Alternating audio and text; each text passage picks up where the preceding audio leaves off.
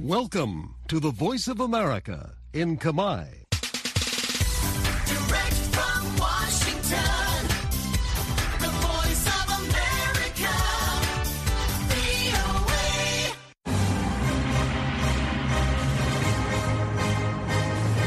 សួស្តីប្រិយមិត្តអ្នកស្ដាប់ជាទីមេត្រី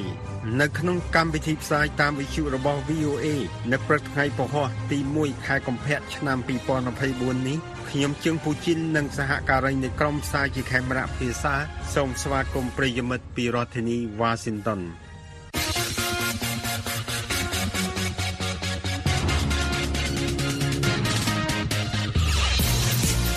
នៅក្នុងការផ្សាយរបស់ VOA នៅវេលាព្រឹកនេះ យើងខ្ញុំមានសេចក្តីរាយការណ៍អំពីអង្គការសហប្រជាជាតិថាក្រុមតាលីបង់បណ្ដេញបុគ្គលិកជាស្ត្រី600នាក់ពីការងារដោយចោទថាបំពាននិងបំរាមអង្គការសហប្រជាជាតិថាការវាយប្រហារនៅសមុទ្រក្រហមបង្អាក់ពាណិជ្ជកម្មសកលនឹងធ្វើឲ្យទំនិញឡើងថ្លៃ លោកហ៊ុនម៉ាណែតប្រមានដកតំណែងអភិបាលខេត្តបើមានការទន្ទ្រានដីជាប់បឹងទន្លេសាបហើយនឹងសេចក្តីរាយការណ៍អំពីលោកហ៊ុនម៉ាណីថារដ្ឋាភិបាលខិតខំផ្ដល់ឱកាសស្មើគ្នាឲ្យពលរដ្ឋបានចូលធ្វើការក្នុងក្របខ័ណ្ឌរដ្ឋ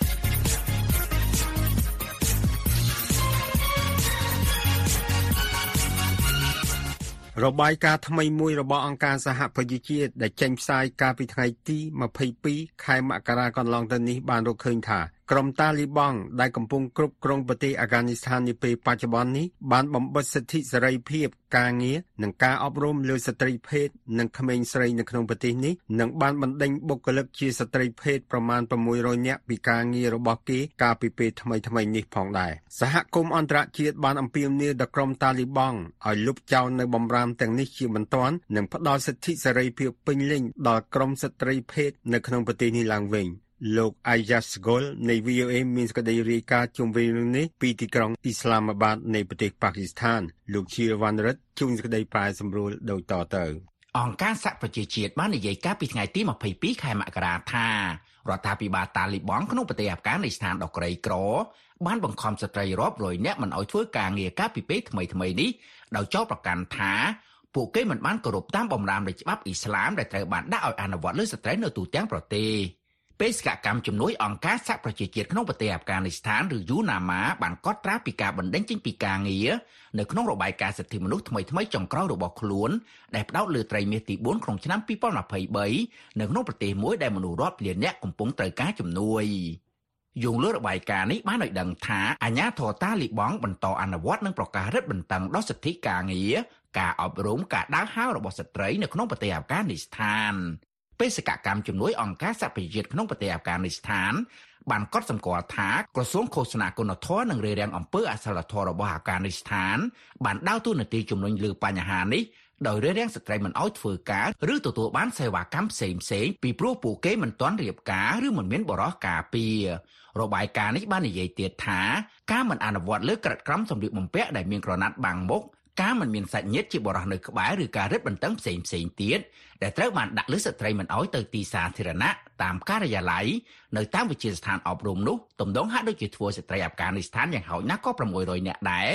បានបាត់បង់ការងារនៅក្នុងខេត្តពីរក្នុងប្រទេសអាហ្វហ្គានីស្ថានក្នុងអំឡុងពេលនៃការធ្វើរបាយការណ៍នេះ ផ្នែកមួយនៃសេរីប្រកាសបណ្ដោះអាសន្នរបស់ក្រសួងអាហ្វហ្គានីស្ថានខាងលើនេះបានដាក់បំរាមស្ត្រីចំនួន400នាក់មិនឲ្យធ្វើការងារនៅក្នុងរោងចក្រកែច្នៃផ្លែស្រល់នៅខេត្តណាំងកាហាភៀកខាងកើតកាលពីខែតុលាឆ្នាំ2023ដោយមិនដល់ហេតុផលណាមួយឡើយខណៈពេលដែលក្រុមបរិះត្រូវបានអនុញ្ញាតឲ្យបន្តធ្វើការងារនៅទីនោះដដែលនេះបើតាមការកត់សម្គាល់របស់របាយការណ៍នេះរបាយការណ៍នេះក៏បានបន្ថែមទៀតថារោងចក្រអគ្គិសនីមួយកន្លែងក្នុងខេត្ត Balls ដែលស្ថិតនៅភាគខាងកើតប្រទេសអាហ្វហ្គានីស្ថាន បានបណ្ដេញស្ត្រីចំនួន200នាក់ពីការងារកាលពីខែវិច្ឆិកាឆ្នាំ2023ដោយលើកយកហេតុផលហិរញ្ញវត្ថុមកសំអាងប៉ុន្តែបុគ្គលិកជាបរិះមិនត្រូវបានគេធ្វើដូចគ្នានេះទេនៅក្នុងករណីមួយទៀតមន្ត្រីនៃក្រសួងឃោសនាគុណធម៌និងរារាំងអំពើអសិលធម៌បានណែនាំបុគ្គលិកជានារីមិនទាន់រៀបការម្នាក់នៅមណ្ឌលសុខភាពមួយកន្លែងឲ្យរៀបការបើមិនអញ្ចឹងទេនឹងត្រូវបាត់បង់ការងារដោយនិយាយថាវាមិនត្រឹមត្រូវទេដែលនារីនៅលឺមកធ្វើការនេះបើយោងលើរបាយការណ៍ដដែលនេះ កាលពីខែមុនក្រមមន្ត្រីក្រសួងឃោសនាគុណធម៌និងរាយរាំងអំពើអសិលធម៌បានទៅមើលស្ថានីយ៍រថយន្តក្រុងមួយកន្លែងក្នុងទីក្រុងកាន់ដាហានៅភូមិខាងត្បូងប្រទេសអាហ្គានីស្ថានដើម្បីបញ្ជាក់ថាស្ត្រីមិនត្រូវធ្វើដំណើរឆ្ងាយតែឯងឯងដោយគ្មានសាច់ញាតិជាបរិសុទ្ធនៅជាមួយហើយអ្នកបើកបរដែលទទួលបានការណែនាំមិនអនុញ្ញាតឲ្យអ្នកដំណើរជាស្ត្រីឡើងជិះរថយន្តក្រុងដោយគ្មានអ្នកមើលការខុសត្រូវទៅជាមួយនោះឡើយនេះបើតាមរបាយការណ៍របស់បេសកកម្មអង្គការសហប្រជាជាតិយូណាម៉ាដែលបានរកឃើញ របាយការណ៍នោះបាននិយាយទៀតថាស្ត្រីដែលគ្មានសាច់ញាតិជាបរិសុទ្ធនៅក្នុងខេត្តផាកសាភៀកខាងកើតប្រទេសអាហ្វហ្គានីស្ថានមិនទទួលបានសេវាថែទាំសុខភាពចាប់តាំងពីដើមខែធ្នូកន្លងទៅដោយអាជ្ញាធរនៃក្រសួងឃោសនាគុណធម៌និងរាយរាំងអំពើអសិលធម៌បន្តទៅពិនិត្យមើលទីតាំងសុខភាពនានា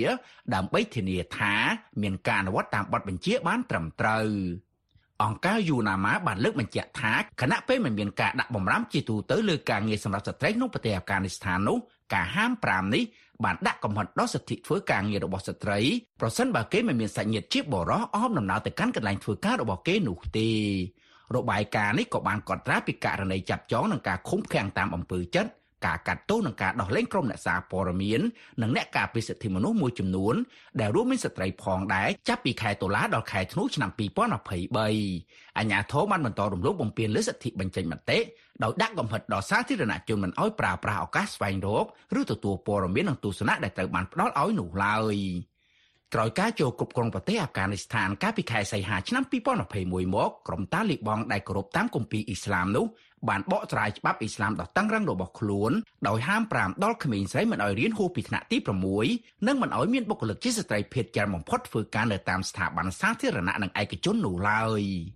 សហគមន៍អន្តរជាតិបានថ្កោលទោសក្រុមតាលីបង់ដែលបានហាម5ដល់ស្ត្រីនិងបានទាមទារឲ្យពួកគេលុបចោលនៅបំរាមទាំងនោះជាបន្ទាន់ពុំមានប្រទេសណាមួយទទួលស្គាល់រដ្ឋាភិបាលអាហ្វហ្គានីស្ថាននៅឡើយទេដោយសារតែការបារម្ភជាសំខាន់លើបញ្ហាសិទ្ធិមនុស្សនិងការអនុវត្តលើស្ត្រីភេទក្រុមតាលីបង់កាលពីថ្ងៃទី22ខែមករាកន្លងទៅនេះបានទាត់ចោលរបាយការណ៍របស់អង្គការសហប្រជាជាតិដោយអះអាងថាវាបង្ហាញពីភាពប្រងើយកន្តើយរបស់ស្ថាប័នពិភពលោកមួយនេះលើច្បាប់សាសនាអ៊ីស្លាមលោកសាប៊ីហ៊ូឡាមូចាហ៊ីតប្រធានអ្នកនាំពាក្យក្រុមតាលីបង់បានបញ្ជាក់ក្នុងសេចក្តីថ្លែងការណ៍ជាភាសាអង់គ្លេសថា ការថ្កោលទោសការគ្រប់គ្រងតាមសាសនាអ៊ីស្លាមថាជាសកម្មភាពប្រឆាំងនឹងសិទ្ធិមនុស្សនោះជាការប្រមាថយ៉ាងជាក់ស្ដែងទៅលើជំនឿរបស់ពលរដ្ឋលោកមូចាហ៊ីនបានណែនាំដល់អង្គការយូណាម៉ាឲ្យបញ្ឈប់ការរិះគន់លើបញ្ហាសាសនាក្នុងប្រទេសអាហ្វហ្គានីស្ថានលោកនិយាយថា ការពាក់ក្រណាត់បាំងមុខភាពចាំបាច់ក្នុងច្បាប់សាសនាអ៊ីស្លាមរឿងបរោះនៅជាមួយស្ត្រីហើយច្បាប់អ៊ីស្លាមពីស្ថានភាពការងារនិងការអប់រំរបស់ស្ត្រីគឺទាំងអស់នេះជាការតាំងចិត្តនិងការទទួលខុសត្រូវនៃរដ្ឋាភិបាលអ៊ីស្លាមមួយដែលតម្រូវឲ្យមានការយកចិត្តទុកដាក់ពីរដ្ឋធានី Washington ខ្ញុំជ្រាវណ្ណរិទ្ធ VOA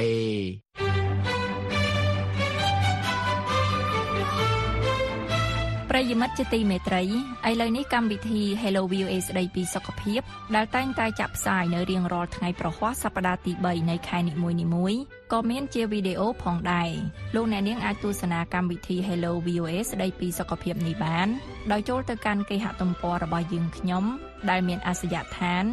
khmer.voanews.com រួចចុចលើពាក្យកម្មវិធី Hello VOA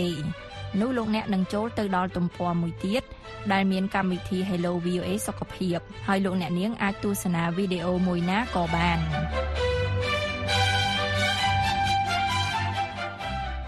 អ្នកជំនាញដឹកជញ្ជូនពាណិជ្ជកម្មតាមនាវារបស់អង្គការសហប្រជាជាតិបានព្រមានអំពីការឡើងថ្លៃស្បៀងអាហារនិងប្រេងឥន្ធនៈសកលដោយសារការវាយប្រហារនៅសមុទ្រក្រហម សង្គ្រាមនៅអ៊ុយក្រែននិងកម្រិតទឹកទាបនៅព្រែកជីកប៉ាណាម៉ា អ្នកជំនាញរូបនេះក៏បានឲ្យដឹងផងដែរថាតម្លៃដឹកជញ្ជូនតាមផ្លូវទឹកពីក្រុងសៀងហៃនៅប្រទេសចិនទៅអឺរ៉ុបបានកើនឡើងប្រមាណ256%ហើយថ្លៃដឹកជញ្ជូនទៅកាន់ឆ្នេរខាងលិចសហរដ្ឋអាមេរិកបានកើនឡើង162%ចាប់តាំងពីដើមខែធ្នូឆ្នាំ2023មកទីភ្នាក់ងារសារព័ត៌មាន AP រាយការណ៍អំពីរឿងនេះលោកជ្រាវណ្ណរិទ្ធជួនក្តីប្រែសម្រួលដូចតទៅ ការិយាល័យពាណិជ្ជកម្មអង្គការសហប្រជាជាតិបាននិយាយកាលពីថ្ងៃទី25ខែមករាថាពាណិជ្ជកម្មសកលកំពុងមានការបង្អាក់ដោយការវាយប្រហារនៅសមុទ្រក្រហមសង្គ្រាមនៅអ៊ុយក្រែននិងកម្រិតទឹកទាបនៅព្រែកជីកប៉ាណាម៉ានេះបើតាមសេចក្តីរាយការណ៍របស់ទីភ្នាក់ងារព័ត៌មាន AP លោក Jan Hoffman អ្នកជំនាញពាណិជ្ជកម្មនៅសន្និសីទអង្គការសហប្រជាជាតិស្ដីពីការអភិវឌ្ឍនិងពាណិជ្ជកម្មដែលហៅកាត់ថា UNCTAD ព្រមានថាតម្លៃដឹកជញ្ជូនតាមនាវាបានកើនឡើងខ្ពស់ហើយតម្លៃស្បៀងអាហារនិងប្រេងឥន្ធនៈកំពុងរងការប៉ះពាល់ដែលអាចធ្វើឲ្យមានអតិផរណាផងដែរលោកនិយាយថា ចាប់តាំងពីក្រុមឧទាមហ៊ូធីចាប់ផ្ដើមវាយប្រហារលើនាវាដឹកជញ្ជូនក្នុងសមុទ្រក្រហមកាលពីខែវិច្ឆិកាឆ្នាំទៅមកក្រុមហ៊ុនសំខាន់សំខាន់ក្នុងឧស្សាហកម្មដឹកជញ្ជូនទំនិញតាមនាវាបានផ្អាកការប្រើប្រាស់ច្រកព្រែកជីកស៊ុយអេរបស់អេស៊ីបជាបណ្ដោះអាសន្នដែលជាផ្លូវទឹកដ៏សំខាន់មួយដែលតភ្ជាប់ពីសមុទ្រមីឌីទែរ៉ាណេទៅសមុទ្រក្រហមនិងជាផ្លូវទឹកដ៏សំខាន់ក្នុងការដឹកជញ្ជូនថាមពលឥន្ធនៈនិងទំនិញផ្សេងៗរវាងទ្វីបអាស៊ីនិងទ្វីបអឺរ៉ុប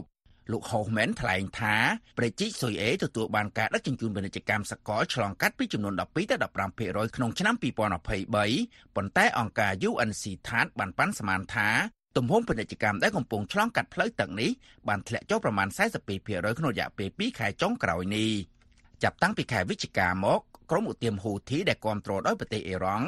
បានវាយប្រហារលើនាវាដឹកជញ្ជូនយ៉ាងហោចណាស់ក៏ចំនួន34លើកដែរនៅលើផ្លូវទឹកឆ្ពោះទៅកាន់ប្រជិកស៊ុយអេ ក្រុមឧទាមស៊ីអ៊ីតហ៊ូធីដែលបានធ្វើសង្គ្រាមប្រឆាំងនឹងកងកម្លាំងសម្ព័ន្ធមិត្តដែលដឹកនាំដោយប្រទេសអារ៉ាប៊ីសាអូឌីតដែលគ្រប់គ្រងរដ្ឋាភិបាលនៃប្រទេសយេម៉ិនចាប់តាំងពីឆ្នាំ2015មកនោះបានគ្រប់គ្រងពលរដ្ឋប៉ាឡេស្ទីននិងបានសន្យាថានឹងរក្សាការវិប្រហារជាបន្តទៀតរហូតដល់សង្គ្រាមអ៊ីស្រាអែលនិងក្រុមហាម៉ាស់បញ្ចប់សាររដ្ឋអាមេរិកនិងចក្រភពអង់គ្លេសបានឆ្លើយតបដោយធ្វើការវាយប្រហារលើគោលដៅនានារបស់ក្រុមហ៊ូធីប៉ុន្តែក្រុមនេះមិនបោះបង់ការវាយប្រហាររបស់ខ្លួនឡើយ លោក Hoffman ដែលដឹកនាំសារខាដឹកជញ្ជូនផ្នែកពាណិជ្ជកម្មរបស់អង្គការ UNCTAD ដែលមានស្នាក់ការធំក្នុងទីក្រុងហ្សឺណែវប្រទេសស្វីសនោះបានប្រាប់សន្និសីទសារព័ត៌មានតាមប្រព័ន្ធវីដេអូជាមួយក្រុមអ្នកសារព័ត៌មានពីអង្គការសហប្រជាជាតិថាការវាយប្រហាររបស់ក្រុមហ៊ូធីបានកើតមាននៅចំពេលដែលផ្លូវទឹកដឹកជញ្ជូនពាណិជ្ជកម្មផ្សេងៗទៀតកំពុងមានបញ្ហា លោក Hoffman ថ្លែងថាសង្គ្រាមឈ្លានពានរបស់រុស្ស៊ីលើអ៊ុយក្រែនដែលមានរយៈពេលជិត2ឆ្នាំនិងភាពតានតឹងភូមិសាស្ត្រនយោបាយដទៃទៀតបានធ្វើឲ្យផ្លូវដឹកជញ្ជូនពាណិជ្ជកម្មលើប្រេងអ៊ីនធឺណិតនិងគ្រាប់ធញ្ញជាតិមានការផ្លាស់ប្ដូរដែលក្នុងនោះក៏រួមមានក្នុងសមុទ្រខ្មៅផងដែរលោក Hoffman ថ្លែងថាបន្ថែមលើការលំបាកដល់ក្រុមហ៊ុនដឹកជញ្ជូនតាមនាវាផងដែរនោះ គឺការរាំងស្ងួតដែលធ្វើកម្រិតទឹកនៅក្នុងព្រែកជីកប៉ាណាម៉ាបានស្រកចុះដល់កម្រិតទាបបំផុតដែលមិនធ្លាប់មានក្នុងពេលច្រើនទសវត្សរ៍កន្លងទៅដោយបានកាត់បន្ថយចំនួននិងទំហំនៃវាដឹកជញ្ជូនយ៉ាងច្រើនដែលអាចបើកចេញចូលតាមច្រកនេះបានលោក Hoffman ថាការដឹកជញ្ជូនចេញចូលសរុបតាមព្រែកជីកប៉ាណាម៉ានេះកាលពីខែធ្នូមានចំនួន36%តិចជាងកាលពីឆ្នាំទៅហើយមានចំនួន62%តិចជាងកាលពី2ឆ្នាំមុន លោកថ្លែងថានាវាដឹកទំនិញប្រមាណ80%នៃពាណិជ្ជកម្មសកលលោកហើយអត្រានេះមានចំនួនកាន់តែខ្ពស់ជាងនេះក្នុងប្រទេសកំពុងអភិវឌ្ឍចំណែកតម្លៃដឹកជញ្ជូនទំនិញវិញលោក Hoffman ថ្លែងថាតម្លៃដឹកជញ្ជូនតាមកុងតឺន័រពីទីក្រុងសៀងហៃប្រទេសចិនបានកើនឡើងចំនួន122%ចាប់តាំងពីដើមខែធ្នូឆ្នាំ2023មក ខណៈដែលអត្រាដឹកជញ្ជូនពីទីក្រុងសៀងហៃទៅអឺរ៉ុបបានកើនឡើងប្រមាណ256%ហើយថ្លៃដឹកជញ្ជូនទៅកាន់ឆ្នេរខាងលិចសហរដ្ឋអាមេរិកបានកើនឡើងចំនួន162%លោក Hoffman និយាយទៀតថាដូច្នេះយើងឃើញផលប៉ះពាល់ជាសកលខណៈដែលនាវាពាណិជ្ជកម្មកំពុងស្វែងរកផ្លូវដឹកជញ្ជូនជំនួសផ្លូវទឹកប្រជិកស៊ុយអេនិងប្រជិកប៉ាណាម៉ា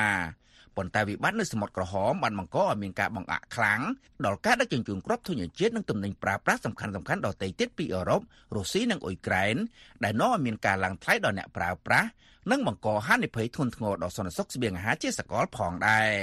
លោកបន្ថែមទៀតថាការបង្អាក់នេះបានធ្វើឲ្យប៉ះពាល់ជាខ្លាំងពិសេសដល់តំបន់ដូចជាអាហ្វ្រិកខាងកើតអាស៊ីខាងត្បូងអាស៊ីអាគ្នេយ៍និងអាស៊ីខាងកើត ដែលពឹងផ្អែកខ្លាំងលើស្រូវសាលីដែលនាំចូលមកពីអឺរ៉ុបនិងតំបន់សមុទ្រខ្មៅលោក Hoffman ក៏បានឲ្យដឹងផងដែរថាទិន្នន័យដំបូងដំបូងពីឆ្នាំ2024បានបង្ហាញថានាវាដឹកកុងតឺន័រជាង300គ្រឿងដែលមានសមត្ថភាពដឹកទំនិញកុងតឺន័រសកលជាង20%បានប្រើជំរើសផ្សេងឬគ្រោងនឹងប្រើជំរើសផ្សេងទៀតដោយមិនប្រើផ្លូវដឹកជញ្ជូនតាមព្រៃជីកស៊ុយអេឡើយ នាវាពាណិជ្ជកម្មជាច្រើនកំពុងជ្រើសរើសយកផ្លូវវាងដែលជួយឧបទ្វីប Cape of Good Hope ក្នុងទ្វីបអាហ្វ្រិកវិញដែលត្រូវប្រើពេលយូរនិងអស់សហួយច្រើនជាងលោក Hoffman ថ្លែងថាកប៉ាល់ដឹកឧស្ម័នធម្មជាតិរាវបានឈប់ដឹកជញ្ជូនតាមប្រជិះស៊ុយអេទាំងស្រុងហើយពីព្រោះខ្លាចមានការវាយប្រហារណាមួយពីរដ្ឋធានី Washington ខ្ញុំជ្រាវវណ្ណរិទ្ធ VOA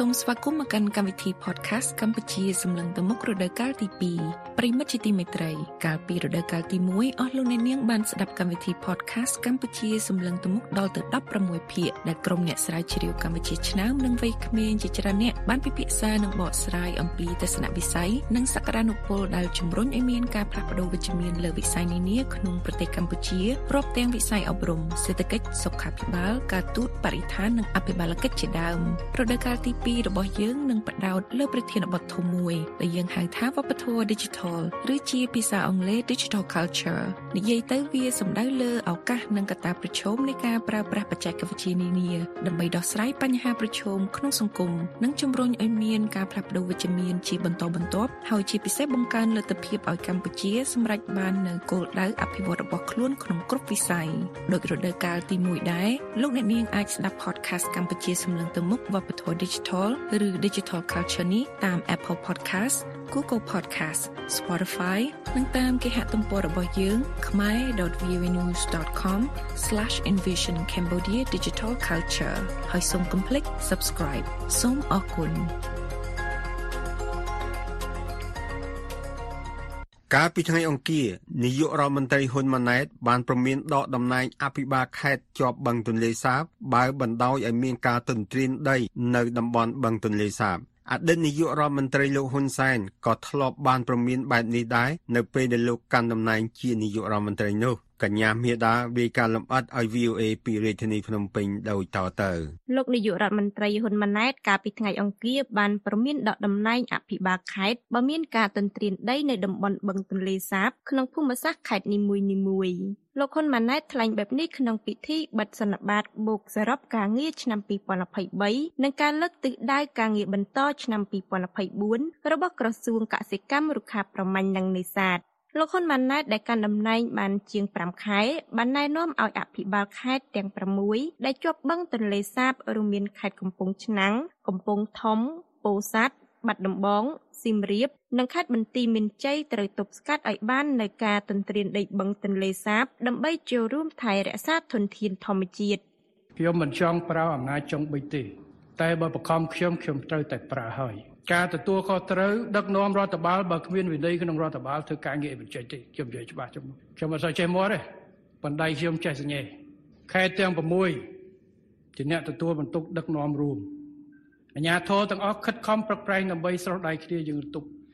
បញ្ហាអត់លំបាកទេក្នុងការធ្វើយើងចាំបាច់ទៅការស្រោះដៃគ្នា លោកនាយករដ្ឋមន្ត្រីបានបញ្ជាឲ្យអភិបាលខេត្តទាំងនេះអនុវត្តឲ្យបានតាមការណែនាំហើយបុគ្គលទាំងឡាយណាដែលចាប់អារម្មណ៍ទីតាំងដីនៅតាមតំបន់បឹងទន្លេសាបក៏ត្រូវដកខ្លួនចេញផងដែរបងប្អូនដែលចាប់អារម្មណ៍ទៅលើដីកន្លែងតំបន់3នោះសូមម្ចាស់ការដកថយមុននឹងត្រូវការអនុវត្តច្បាប់ព្រោះការបដិញ្ញាចិត្តរបស់រាជរដ្ឋាភិបាលគឺត្រូវធ្វើឲ្យបានទៅការពារឲ្យបានអញ្ចឹងឯកឧត្តមទាំង6ខេត្ត សន្យាជាមួយខ្ញុំចូលរួមដើម្បីអនុវត្តទប់ស្កាត់ការទន្ទ្រានតំបន់3នេះឲ្យបានព្រោះបឹងទន្លេសាបនៅក្នុងដែនសមត្ថកិច្ចរបស់ឯកឧត្តមនឹងថ្លែងក្នុងបទសម្ភាសន៍ជាមួយ VOA នៅថ្ងៃពុធនេះអភិបាលខេត្តបាត់ដំបងលោកសុកលូលើកឡើងថាការទន្ទ្រានដីនៅបឹងទន្លេសាប ក្នុងភូមិសាស្ត្ររបស់លោកមានតិចតួចតែប៉ុណ្ណោះដោយសារតែពលរដ្ឋខ្លះមិនបានដឹងច្បាស់ពីព្រំប្រទល់ដី គឺមានករណីតិចតួចតែបងប្អូនខ្លះក៏មិនដឹងព្រមពិតប្រាកដណាយើងមានហើយមានករណីខ្លះក៏មានការទាន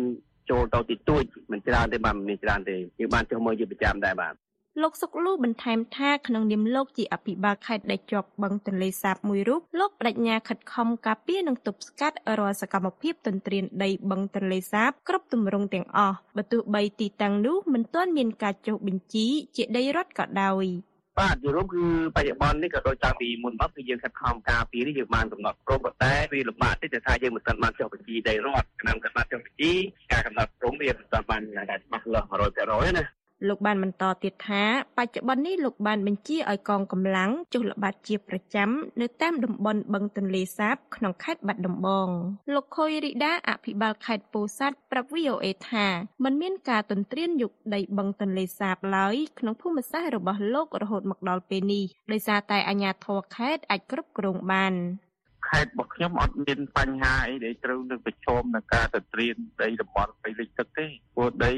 នៅនៅក្នុងតំបន់ព្រៃលិចទឹកនៅតាមបឹងទន្លេសាបដែលមានស្រុកកកស្រុកកឌីស្រុកតកាគឺយើងគ្រប់គ្រងបានបាទ លោកហេងកំហុងប្រធានប្រតិបត្តិនៃសមាគមបណ្ដាញយុវជនកម្ពុជា CYN ឲ្យដឹងថាបញ្ហានៅតំបន់បឹងទន្លេសាប ជាបញ្ហាច្រំដែល ដែលកន្លងទៅអតីតនាយករដ្ឋមន្ត្រីក៏ធ្លាប់បានបញ្ជាហើយលោកបារម្ភថាការអនុវត្តបានតែមួយរយៈពេលតែប៉ុណ្ណោះលោកបន្ថែមថាដើម្បីទប់ស្កាត់រាល់ការទន្ទ្រានដីបឹងទន្លេសាបរដ្ឋាភិបាលនិងក្រសួងពាក់ព័ន្ធត្រូវកំណត់ឲ្យបាននូវវិធានការច្បាស់លាស់នៅក្នុងការអនុវត្ត ក្រសួងបរិស្ថានក៏ដូចជារាជរដ្ឋាភិបាលអាណត្តិថ្មីត្រូវបង្ហាញអំពីយន្តការជាក់លាក់ហើយការឈានទៅដល់ការដាក់គោលនយោបាយបង្ខំតែម្ដងឲ្យមន្ត្រីមូលដ្ឋានរបស់ខ្លួននឹងអនុវត្តដោយមានការលើកលែងចំពោះបុគ្គលណាទាំងអស់បាទហើយប្រហែលជាត្រូវរកឫសគល់ដែរថាហេតុអីបានជាពីមួយអាណត្តិទៅមួយអាណត្តិការអនុវត្តហាក់បីដូចជាមិនមានយន្តការច្បាស់លាស់ធ្វើតាមអារម្មណ៍ធ្វើតាមបញ្ជាបណ្ដាផ្ទុយទៅវិញនៅពេលដែល បទបញ្ជាសាររលាបទៅឬក៏លែងមានការជំរុញពីថ្នាក់ដឹកនាំមន្ត្រីមូលដ្ឋានលែងធ្វើបាទគូបញ្ជាក់ថាកាលពីឆ្នាំ2021អតីតនាយករដ្ឋមន្ត្រីលោកហ៊ុនសែនបានបញ្ជាឲ្យដកហូតដីព្រៃលិចទឹកបឹងទន្លេសាបជាង2000ហិកតាក្នុងខេត្តកំពង់ឆ្នាំងនិងស៊ើបអង្កេតករណីនេះក្រោយលោកទទួលព័ត៌មានថាអតីតអភិបាលខេត្តកំពង់ឆ្នាំងមួយរូបជាប់ពាក់ព័ន្ធនឹងការទន្ទ្រានដីនេះរាយការណ៍ពីរាជធានីភ្នំពេញនាងខ្ញុំមាសដា VOA បន្ទាប់ពីការជ្រើសរើសមន្ត្រីកសិកម្មឲ្យបំពេញការងារនៅតាមឃុំដែលសម្បូរដោយសកម្មភាពកសិកម្មនោះរដ្ឋាភិបាលបានសម្រេចជ្រើសរើសមន្ត្រីជំនាញអប់រំកាយនិងកីឡាឲ្យទៅបំពេញការងារនៅសាលារៀនដែលខ្វះគ្រូកីឡា រដ្ឋមន្ត្រីក្រសួងមុខងារសាធារណៈលោកហ៊ុនម៉ាណីថាការជ្រើសរើសនេះក៏នឹងត្រូវធ្វើឡើងតាមការប្រកួតប្រជែងដែលមានយុត្តិធម៌និងតម្លាភាពសម្រាប់រាល់បេក្ខជនដើម្បីឆ្លុះបញ្ចាំងពីការប្រឹងប្រែងរបស់រដ្ឋាភិបាលអាណត្តិទី7ក្នុងការផ្តល់ឱកាសស្មើៗគ្នាឲ្យពលរដ្ឋដើម្បីបានចូលបម្រើការជាមន្ត្រីរាជការស៊ីវិលលោកហុលរស្មី រាយការណ៍ឲ្យ VOA ពីរាជធានីភ្នំពេញដូចតទៅរដ្ឋមន្ត្រីក្រសួងមុខងារសាធារណៈលោកហ៊ុនម៉ាណីលើកឡើងថារដ្ឋាភិបាលអាណត្តិទី7ក្រោមការដឹកនាំរបស់បងប្រុសលោក គឺលោកនាយរដ្ឋមន្ត្រីហ៊ុនម៉ាណែតបាននឹងកំពុងខិតខំបើកឱកាសឲ្យពលរដ្ឋបានចូលបម្រើការងាររដ្ឋដោយផ្អែកលើសមត្ថភាពជាចម្បងការទទួលបានឱកាសស្មើគ្នានេះត្រូវបានបញ្ជាក់តាមរយៈការជ្រើសរើសមន្ត្រីឲ្យចូលបម្រើការងារក្នុងក្របខ័ណ្ឌក្រសួងអប់រំយុវជននិងកីឡាបន្ថែមលើការជ្រើសរើសមន្ត្រីកសិកម្មឃុំនៅក្នុងសន្និសីទព័ត៌មានមួយស្តីពីការជ្រើសរើសមន្ត្រីឯកទេសអប់រំកាយនិងកីឡាចំនួន100នាក់ ឲ្យចូលបម្រើការងារនៅក្នុងក្របខ័ណ្ឌក្រសួងអប់រំយុវជននិងកីឡាលោកហ៊ុនម៉ាណីថ្លែងថាមន្ត្រីទាំងនោះនឹងត្រូវជ្រើសរើសដោយផ្អែកលើចំណេះនិងជំនាញរបស់ខ្លួនហើយត្រូវឆ្លងកាត់ការប្រឡងមួយដែលមានភាពយុត្តិធម៌លោកបន្ថែមថាពួកគេនឹងត្រូវបញ្ជូនឲ្យទៅបំពេញតួនាទីនៅអនុវិទ្យាល័យនិងវិទ្យាល័យនៅតាមខេត្តចំនួន21 នេះគឺជាអ្វីដែលសម្ដេចមហាបវរធិបតីគឺបានផ្ដល់នឹងការណែនាំជាប្រចាំមកដល់ក្រសួងមុខងារសាធារណៈធំជាងគេទាំងអស់កែតម្រង់រដ្ឋបាលសាធារណៈជារឿងមួយក៏តែការបង្កើតឱកាសជាបន្តបន្ទាប់ដើម្បីឲ្យទាំងអស់គ្នាមានឱកាសស្មើស្មើគ្នាចូលរួមប្រកួតប្រជែងពីដំណាក់កាលមួយហើយបើដំណាក់កាលទី1នេះមិនជោគជ័យគិតគូរទៅលើដំណាក់កាលចុងបន្តបន្តថែមទៀតហើយក្រសួងមុខងារសាធារណៈនឹងខំប្រឹងប្រែងផ្សព្វផ្សាយឲ្យបានទូលំទូលាយបន្ថែមទៀត ទៅលើឱកាសក្នុងការចូលរួមប្រកួតប្រជែងបម្រើការងារចូលក្នុងក្របខ័ណ្ឌមន្ត្រីរាជការស៊ីវិលចង់សូមឲ្យជឿជាក់ទៅលើការដឹកនាំបរិយារដ្ឋាភិបាលរដ្ឋាភិបាលទើបតែបានបញ្ចប់ការជ្រើសរើសមន្ត្រីកសិកម្មឃុំចំនួន250នាក់ដែលការជ្រើសរើសនោះធ្វើឡើងដោយឈលលើគោលការណ៍សមត្ថភាពនិងគ្មានបពុនិយមកាលពីថ្ងៃសុក្រ លោកហ៊ុនម៉ាណីអតីតតំណាងរាស្ត្រខេត្តកំពង់ស្ពឺនឹងធ្វើជារដ្ឋមន្ត្រីក្រសួងមុខងារសាធារណៈបានជាង5ខែប្រាប់អ្នកកសែតទៀតថាការប្រឡងចូលធ្វើការក្នុងក្របខ័ណ្ឌរដ្ឋរបស់មន្ត្រីអប់រំកាយនិងកីឡានេះនឹងត្រូវរៀបចំឡើងប្រកបដោយតម្លាភាពដោយមានការចូលរួមពីអង្គភាពពាក់ព័ន្ធដូចជាអង្គភាពប្រឆាំងអំពើពុករលួយ ហើយមន្ត្រីដែលជ្រើសរើសបាននោះត្រូវតែទៅបំពេញការងារនៅទីកន្លែងខ្លួនដែលបានជ្រើសរើស ចំណុចទី1គឺការរៀបចំជាការជ្រើសរើសប្រព័ន្ធមួយដោយមានការធានានៃយុត្តិធម៌ឱកាសស្មើស្មើគ្នា មានតម្លាភាពហើយផ្អែកទៅលើគុណធិបតេយ្យហើយនឹងមានប្រសិទ្ធភាពផ្អែកទៅលើមូលដ្ឋាននឹងចំណុចមួយដែលយើងការគិតគូរដែរដោយដោះស្រាយទៅលើអ្វីដែលកន្លងមកយើងធ្លាប់ឮសាធារណៈបាននិយាយព្រមព្រមគ្នានោះថាកន្លែងខ្លះលើសគ្រូកន្លែងខ្លះខ្វះគ្រូអញ្ចឹងផ្អែកទៅលើមូលដ្ឋាននេះ មិនថាជ្រើសរើសមន្ត្រីកសិកម្មថ្ងៃមុន250នាក់ឬក៏ការជ្រើសរើសមន្ត្រីអប់រំផ្អែកទៅលើអឺឯកទេសអប់រំកាយនិងកីឡានេះគឺមានការវិភាគជាក់លាក់ដោយអាដាមបណ្ឌិតស្ពីចាបានលើកឡើងហើយសាលានីមួយនីមួយតែម្ដងត្រូវប្រាប់ថាខ្វះគ្រូកីឡាដែរឬទេអញ្ចឹងផ្អែកទៅលើមូលដ្ឋានហ្នឹង100នាក់ដែលនឹងបានជាប់ ក្រោយពីការអប់រំ2ឆ្នាំហើយ4ឆ្នាំគឺគាត់ត្រូវទៅបម្រើនៅសាលានោះតែម្ដងដែលមានកម្រិតអនុវិទ្យាល័យនិងវិទ្យាល័យនៅក្នុងដំណើរការជ្រើសរើសមន្ត្រីអប់រំកាយនិងកីឡានេះបេក្ខជនត្រូវឆ្លងកាត់វិញ្ញាសាកីឡាចំនួន3រួមមានការចោលដុំដែកការលូតចម្ងាយបរោះនារីនិងការរត់ល្បឿនពួកគេក៏ត្រូវឆ្លងកាត់ការប្រឡងវិញ្ញាសាវប្បធម៌ទូទៅជីវវិទ្យានិងភាសាអង់គ្លេសផងដែរ យ៉ាងណាក៏ដោយប្រធានសមាគមគ្រូបង្រៀនកម្ពុជាឯករាជ្យអ្នកស្រីអុកឆាយ៉ាវីយល់ថាការជ្រើសរើសមន្ត្រីឯកទេសអប់រំកាយនិងកីឡានេះមិនគួរត្រូវធ្វើនៅពេលនេះទេដោយសារតែមុខវិជ្ជាអប់រំកាយនិងកីឡាមិនតម្រូវឲ្យមានការប្រឡងនៅឡើយអ្វីដែលអ្នកស្រីចង់បាននោះគឺការរើសគ្រូឲ្យមកបង្រៀន មុខវិជ្ជាដែលជាតម្រូវការចាំបាច់សម្រាប់សិស្សបរៀនបានក៏ដោយមិនគួរណាយកមុខវិជ្ជាគាត់ដែលជាជំនាញអប់រំកាយនិងកីឡានោះទៅបង្រៀនមុខវិជ្ជាផ្សេងផ្សេងទៀតដូចជាភាសាអង់គ្លេសយកទៅបរៀនអឺអឺប្រវត្តិភូមិអីណាខ្ញុំឃើញវាខុសបច្ចេកទេសបាត់ទៅហើយហើយទោះថាថាតើអឺវិស័យអប់រំហ្នឹងអឺធ្លាក់ចុះ ឬក៏ឡើងបើយកមុខវិជ្ជាខុសបច្ចេកទេសខ្លួនឯងទៅបរៀនណាអញ្ចឹងធ្វើឲ្យបញ្ហាអប់រំហ្នឹងអឺធ្លាក់ចុះកាន់តែខ្លាំងហើយចា៎រដ្ឋលេខាធិការក្រសួងអប់រំយុវជននិងកីឡាលោកណាតប៊ុនរឿនថ្លែងក្នុងសន្និសីទព័ត៌មានកាលពីល្ងាចថ្ងៃសុក្រសប្តាហ៍មុនថាគ្រូកីឡាអាចបង្រៀនបានតែមុខវិជ្ជាកីឡាប៉ុណ្ណោះពលគឺមិនអាចទៅបង្រៀនមុខវិជ្ជាផ្សេងបានទេ លោកបន្ថែមថាសាលានីមួយៗត្រូវបញ្ជាក់ឲ្យច្បាស់អំពីកង្វះគ្រូកីឡាហើយបើមានការស្នើសុំគ្រូកីឡាខុសពីស្ថានភាពជាក់ស្ដែងនោះនាយកសាលាត្រូវទទួលខុសត្រូវនៅចំពោះមុខមន្ទីរមុខងារសាធារណៈនិងអប់រំខេត្តបើកណាតែលើសនាយកសាលាទៅទទួលខុសត្រូវចំពោះមុខតួអង្គទីនៅខេត្តគឺមន្ទីរមុខងារសាធារណៈខេត្តនិងមន្ទីរអប់រំយុវជននិងកីឡាខេត្តអត់មានខ្វះគ្រូផង ហើយខ្វះគ្រូគណិតណាសំសុំគ្រូកីឡាយកទៅគ្រូកីឡាទៅបរិគណិតមិនអត់បានទេមិនឃើញនេះគ្រូកីឡាប្រឡងអស់ហើយហ្នឹងវប្បធម៌ទូទៅជីវៈហើយនឹងអង់គ្លេសហើយយកគ្រូកីឡាទៅបរិគណិតមិនច្បាស់លាស់ណាស់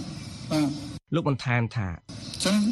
ការពង្រេគ្រូកីឡាបែបនេះគឺអាស្រ័យលើតម្រូវការលើកនេះគឺប្រកបជាណាអត់មានចោត ថាក្រសួងជាទម្លាក់ទៅទម្លាក់ទៅទោះបីថាក្រសួងមុខងារសាធារណៈលោកចាត់ចែងក៏ដោយក៏កិច្ចសហការយ៉ាងជិតស្និទ្ធពីក្រសួងអប់រំយុវជនកីឡាហើយក៏បានតដំណើរពីខាងក្រោមមកហើយអ្នកខាងក្រោមនេះគឺមន្ទីរមុខងារសាធារណៈនិងមន្ទីរអប់រំយុវជនកីឡាត្រូវតែពិនិត្យវិจัយអត់មានយកទៅលើសទេលោកហ៊ុនម៉ាណីបញ្ជាក់ថានៅក្នុងអាណត្តិទី7នេះរដ្ឋាភិបាលនឹងបន្តធ្វើការកែតម្រង់រដ្ឋបាលសាធារណៈ ដើម្បីធានាថាមន្ត្រីដែលត្រូវបានជ្រើសរើសគឺត្រូវមានជំនាញនិងសមត្ថភាពច្បាស់លាស់ហើយត្រូវបានបញ្ជូនទៅធ្វើការនៅចំគោលដៅនៃស្ថាប័នរដ្ឋដែលប្រឈមការខ្វះខាតធនធានមនុស្សដោយការជ្រើសរើសមន្ត្រីអប់រំកាយនិងកីឡានេះលោកបន្ថែមថាបើសិនជាបេក្ខជនប្រឡងធ្លាក់ក្នុងការចូលបម្រើការងារក្នុងក្របខ័ណ្ឌរដ្ឋណាមួយនោះពួកគេមិនត្រូវអស់សង្ឃឹមនោះទេពោលគឺពួកគេត្រូវពង្រឹងសមត្ថភាពសម្រាប់ឱកាសផ្សេងផ្សេងទៀត រាយការណ៍ពីរាជធានីភ្នំពេញខ្ញុំហុលរស្មី VOA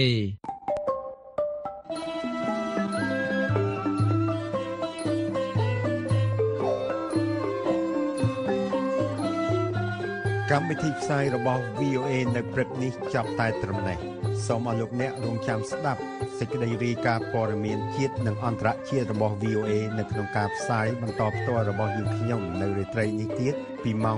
8:30នាទីដល់ម៉ោង9:30នាទីតាមរលកវិទ្យុ 25m ត្រូវនឹងកម្រិត11695និង1575 kHz ឬតាមប្រព័ន្ធអ៊ីនធឺណិតដែលមានអាសយដ្ឋានខ្មែរ .voenews.com សូមអរលោកអ្នកបានប្រកបដោយសេចក្តីសុខនិងសុភមង្គលគ្រប់ប្រការ អារុនសុស្ដី